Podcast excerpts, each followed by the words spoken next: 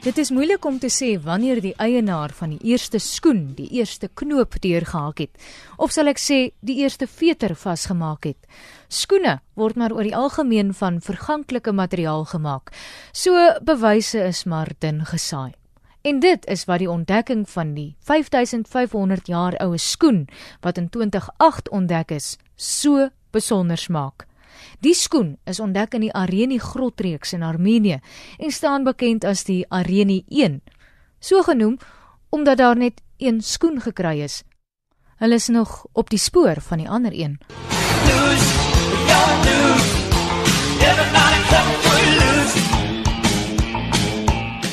Die Areni 1 is met leerveters van die tone af tot by die enkel netjies geryg en is waarskynlik die skoen wat die naaste is aan hoe vandag se skoene met veters lyk. Alhoewel die 3300 jaar oue ysman Utsi wat in die Alpe ontdek is, nou nie spog met die oudste veters nie, was hy nietemin baie innoverend.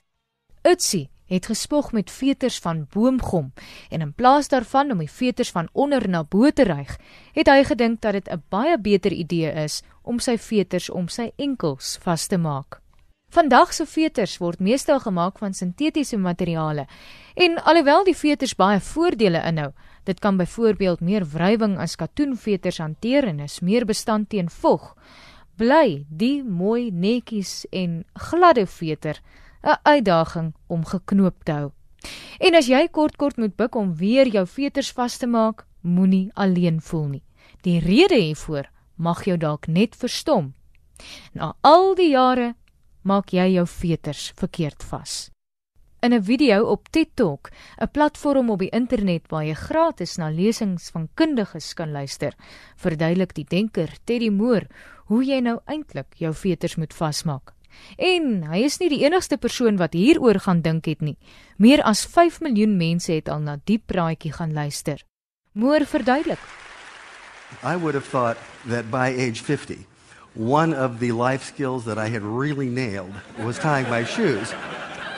But not so. Let me demonstrate.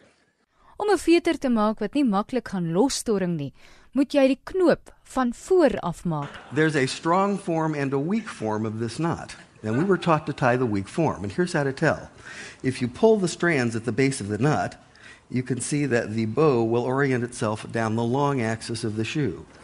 If we start over, and simply go the other direction around the bow, we get this, the strong form of the knot. And if you pull the cords under the knot, you will see that the bow orients itself along the transverse axis of the shoe. This is a stronger knot. It will come untied less often. It will let you down less. And not only that, it looks better. Sometimes a small advantage someplace in life can yield tremendous results someplace else. Live long and prosper. So, hoe maak jy jou veters vas? Maak seker hulle is vas.